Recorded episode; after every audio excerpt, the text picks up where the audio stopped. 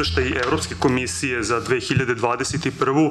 vidjet ćete da u oblasti zaštite životne sredine se konstatuje da postoji napredak na normativnom nivou. Zaista usvojeni su neki zakoni koji imaju za cilj da poboljšaju stanje u, u ovoj oblasti, međutim normativni akti su daleko od realnosti, a realnost je potpuno drugačija i sama Evropska komisija konstatuje brojne probleme, a to je zatvaranje neuslovnih deponija. Imali smo i slučaj Vinče prošle godine, poboljšanje kvaliteta vazduha i vode. Ja mislim da je svako od nas ovaj, osetio vazduh i video vazduh prošle godine, ovaj, tako da je to nešto što je zaista ovaj, nesporno. Takođe su ovaj, iznete zamerke kada je u pitanju otpad, odnosno smanjenje količine, razvrstavanje reciklaža otpada, svi ti problemi su se na neki način generisali i u suštini su bili pretočeni u jedne e, široke proteste, ali to nije slučajno. Sve ove, e, sve ove probleme u zaštiti životne sredine, oni imaju svoju konkretnu manifestaciju. Prema rezultatima iz 2019. godine, prema nalazima Global Alliance on Health and Pollution ovaj, organizacije, prevremene smrti koje su posledica zagađenja životne sredine Srbije je deveta u svetu i prvo u Evropi. Evropi. To su zaista dramatični podaci i nije ni čudo zbog čega je zbog čega su u stvari ekološki protesti e, bili tako masovni ovaj prethodne godine. Ono što jeste isto bilo karakteristično za posebno za proteste koji su se desili krajem novembra i početkom decembra e, jeste i reakcija policije tokom tih protesta. E, svi znamo za slučaj koji je nekako naj najvidljiviji postao slučaj na, na mostu uh, na Savi u Šapcu kada se policija povukla uh, sa, sa mosta da bi samo nekoliko minuta nakon toga došao bager i i ajde možemo slobodno da kažemo batinaši sa motkama i sa čekićima koji su napali koji su napali demonstrante. Tokom tog incidenta ljudi su zvali ovaj policiju ali policija nije odgovarala na pozive kao i da je u blizini bila uh, patrola saobraćene policije koja je to sve sa strane gledala. Uh, sa druge strane imali smo i neke ove situacije tokom protesta uh, gde je došlo do fizičkog nasrtaja na demonstrante bez ikakvog direktnog povoda. Setite se samo slike slika gde policajac prebacuje preko bankine ženu na autoputu. Suština jeste da sve ove stvari koje su bile i zabeležene kamerama, na kraju se ispostavilo da niko nije snosio odgovornost ta vrsta nekažnjivosti je na neki način postala možda i trend ako se prisetimo samo proteste iz 2020. godine, sada imamo već m, praktično skoro dve godine. E, samo Beogradski centar je podneo 31 krivičnu prijavu protiv e, pripadnika Ministarstva unutrašnjih poslova zbog prebijanja građana tokom julskih protesta. E, do danas apsolutno nijedan optužni predlog nije podignut. Kada smo već na, na ovom terenu, pomenuo bih nacrt zakona o unutrašnjim poslovima i taj nacrt zakona je zaista izazvao, ajde da kažem, dosta pažnje u javnosti upravo zbog rešenja koje je predvideo. Nešto što je možda bilo i najdominantnije kada se pričalo o tom zakonu jeste odredbe koje bi u stvari stvorile pravni osnov za masovni video nadzor, odnosno sve ove kamere koje su i postavljene ovaj, po Beogradu, koje imaju mogućnost detekcije lica, a koje prema sadašnjem stanju stvari e, ne bi mogle da se upotrebljavaju na taj način, ovaj nacrt zakona bi to doneo, međutim i neke druge odredbe su bile sporne kada su pitanju upravo pripadnici Ministarstva unutrašnjih poslova, to je da je bilo zabranjeno snimanje njihovog, e, njihovog intervenisanja, na primjer na licu mesta, da je e, izmenjen način na koji su bili obeleženi, odnosno obeleženi njihovim uniformama, gde se bilo predloženo da se ukloni ime i prezime, a da to bude neka vrsta kombinacija brojeva i slova. Ovaj nacrt zakona e, je povučen, ministar unutrašnjih poslova je povukao ovaj nacrt zakona, a u obrazloženju je naveo da ga je povukao na preporuku predsednika države. I ovo nije izolovan slučaj slučaj... Moram priznati jednu stvar, da je zabeleženih fizičkih napada na novinare u 2021. bilo manje nego u 2020. Međutim, sve ostalo je ostalo isto ili je postalo još negativnije. Novina u 2021. je stvaranje takozvanih ružnih blizanaca sajtova koji kopiraju ime i e, vizualni identitet originalnih medija i dezinformacijama pokušavaju da ih diskredituju. Mi smo u centru zabeležili četiri takva ružna blizanca za južne vesti, Ozon Pres, Kolubarski i GM Info. Ono što ostaje rak rana evropske, o, srpske medijske scene su suđenja. Suđenje za ubistvo Slavka Ćuruvije i paljenje kući Milana Jovanovića još nisu završena, za Milana Pantića i Dadu Vujasinović nisu ni početa. Istovremeno imate i tu vrlo odgovorno koristim tu reč pravi krstaški rat koji vode predsednik države, zakonodavna izvršna vlast, a, mediji pod njihovom kontrolom, kompanije bliske vlastima i pojedini građani. Tako da je recimo u periodu april-jun samo u parlamentu su novinari pomenuti u negativnom smislu ravno 199 puta.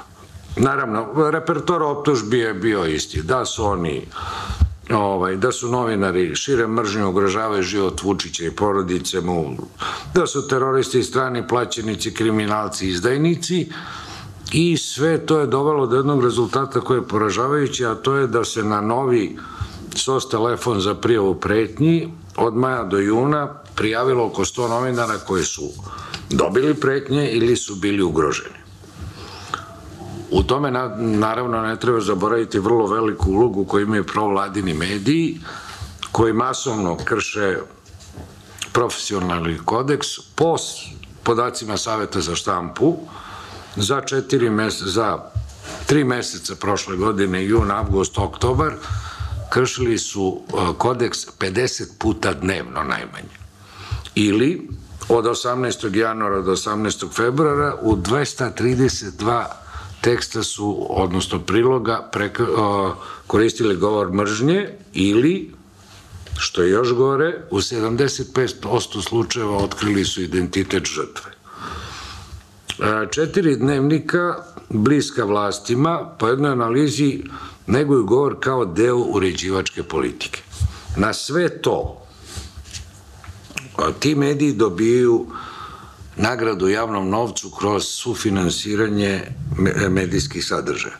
Tako u Nišu, koji je paradigmatičan primer i drugi po veličini u Srbiji, od 69 miliona izdvojenih za tu svrhu, 80 od 100 otišlo onima koji su bliski vlasti, među kojima je i su i mediji u vlasništvu sina direktora Bije da ne govorimo o oglašavanju javnih preduzeća, prijateljskih firmi, režimu i tako dalje. I pojedini novinari dobije nešto što se zove lična korist, pa je tako recimo koleginica Sapinka postala savjetnik za medije predsednika opštine Grocka sa 125.000 dinara plate mesečno, što je potpuno u suprotnost, odbiljan sukob interesa sa stanovišta novinarstva. Drugo područje vlasti koje malo prolazi ispod radara, ali mislim da ne bi trebalo, je njeno očuvanje i širenje vlasništva u medijima. A suprotno obavezama koje je prihvaćeno medijskom strategijom. Tako su vlasti preko Telekoma, preduzeća koje inače u njihovom većinskom vlasništvu, u prvom tromesiću 21. kontrolisale 48% tržišta emitovanja video sadržaja. I to je tendencija koja raste, jer 2000. su bili negde na, 2020. negde na oko 40-41%. Glavni razlog ugovora Telekoma, tog preduzeća pod kontrolom države, praktično sa Telenorom je po obrazloženju samog menadžmenta, citiram, da se stavi tačka na poslovanje United Media i SBB u Srbiji, znači televizijskih medija koji se kritičke odnose prema vlasti.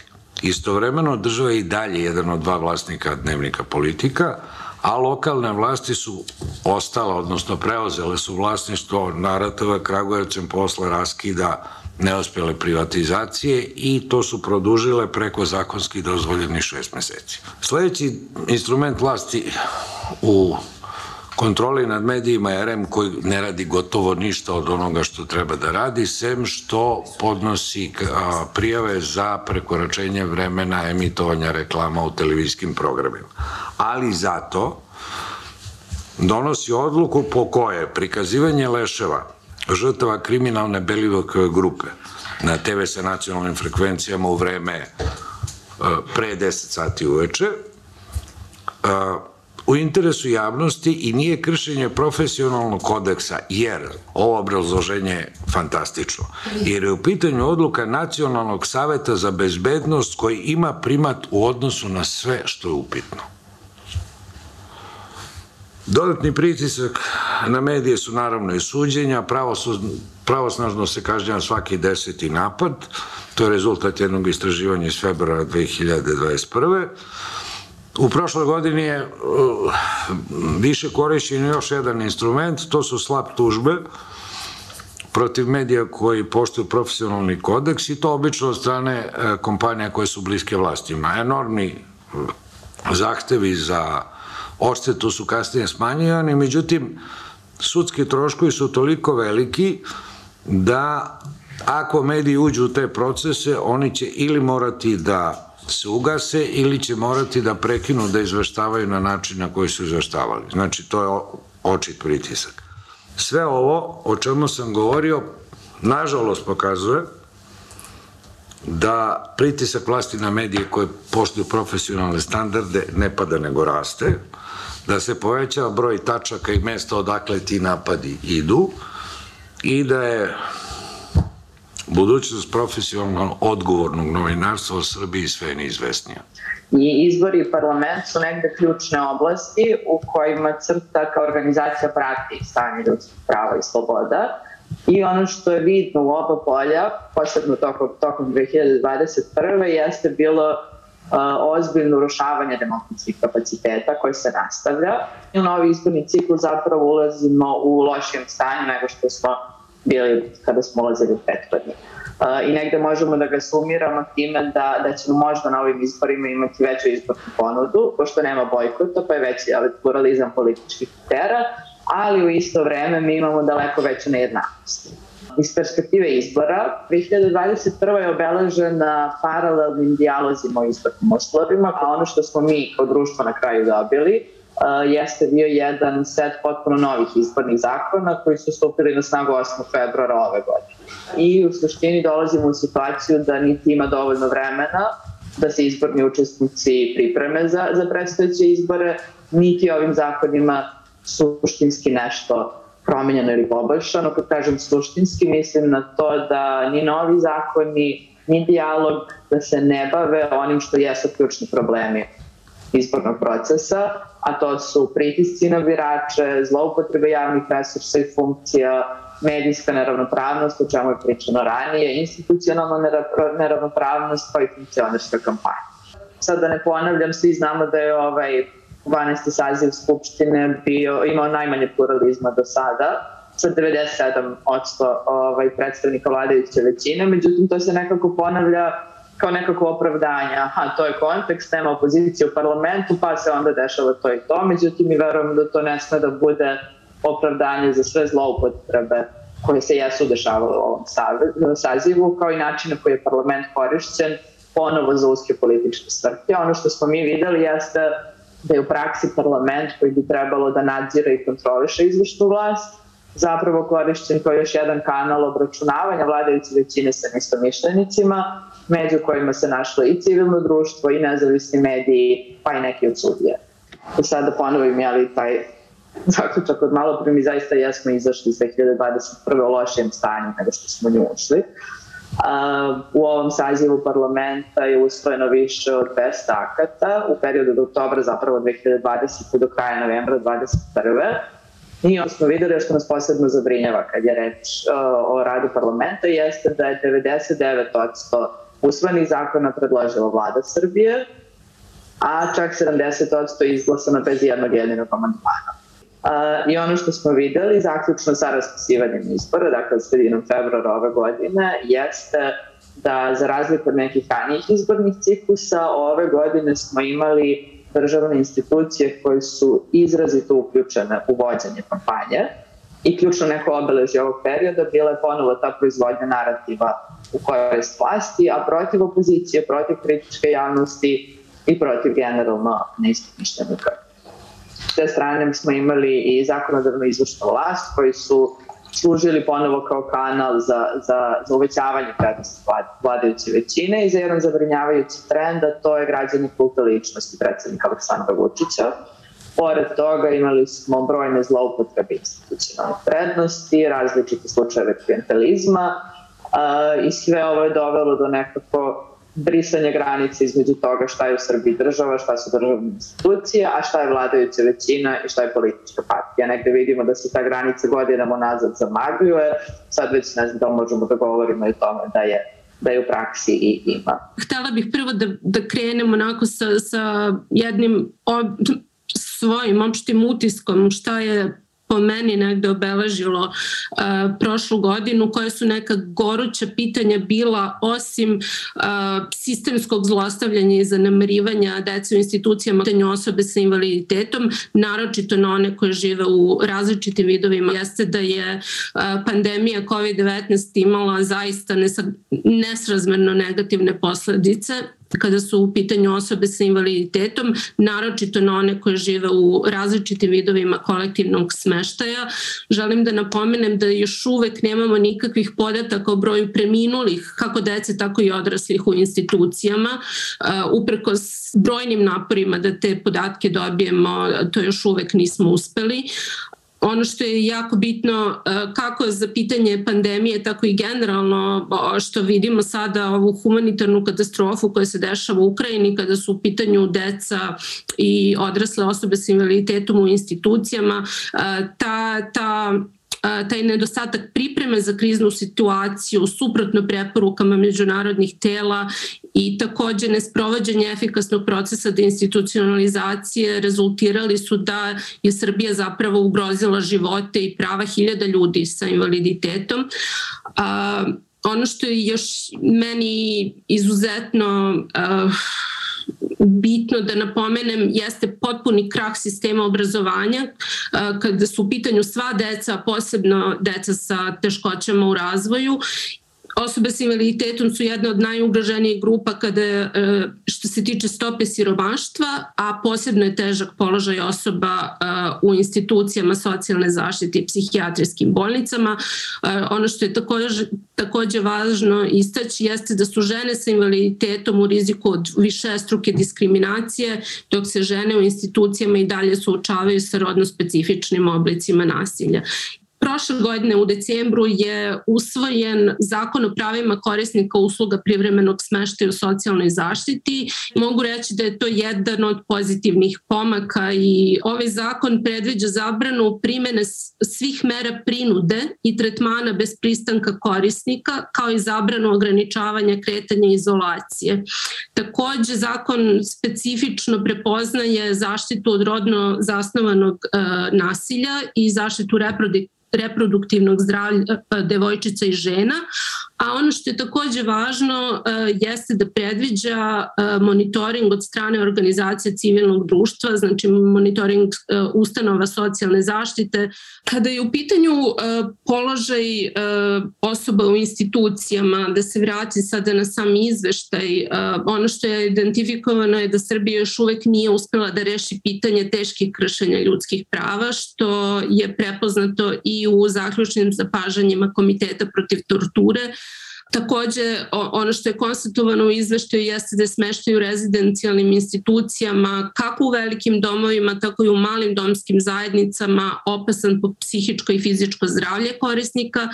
Ono što mislim da je jako važno jeste da se osvrnem na diskriminaciju osoba, dece sa teškoćama u razvoju i osoba sa invaliditetom od strane sistema uh, zdravstvene zaštite, a to je često uskraćivanje medicinskih tretmana, uskraćivanje lečenja ili uh, uh, operativnih zahteva, de, zahvata deci sa teškoćama u razvoju, uh, vrlo otežan pristup svim drugim uh, sistemima zdravstvene zaštite od strane osoba sa invaliditetom. Mi adekvatnu reakciju Ministarstva zdravlja na navode iz izveštaja nismo imali, tako da imamo često slučajeve da se ljudi umesto na relevantne, imamo problem takođe kada su u pitanju deca i odrasle osobe u institucijama, boravak u instituciji često kod dece vodi zaustavljanju razvoja. Tako da vi imate ljude, odrasle ljude koji imaju 20-30 godina, koji izgledaju kao deca od 8 ili 9 godina te odbijaju da ih leče i pedijatri zato što oni nisu više maloletni, a odbijaju da ih leče i uh, uh, lekari za odrasle s obzirom da oni fizički, jel tako, uh, ne, negde njih ne smatraju odraslima. Tako da vidimo jedan lavirint iz koga zaista nema izlaza bez sveopšte transformacije sistema kako socijalne zaštite, tako i zdravstvene zaštite zaštiti sveobuhvatnog pristupa osobama sa invaliditetom.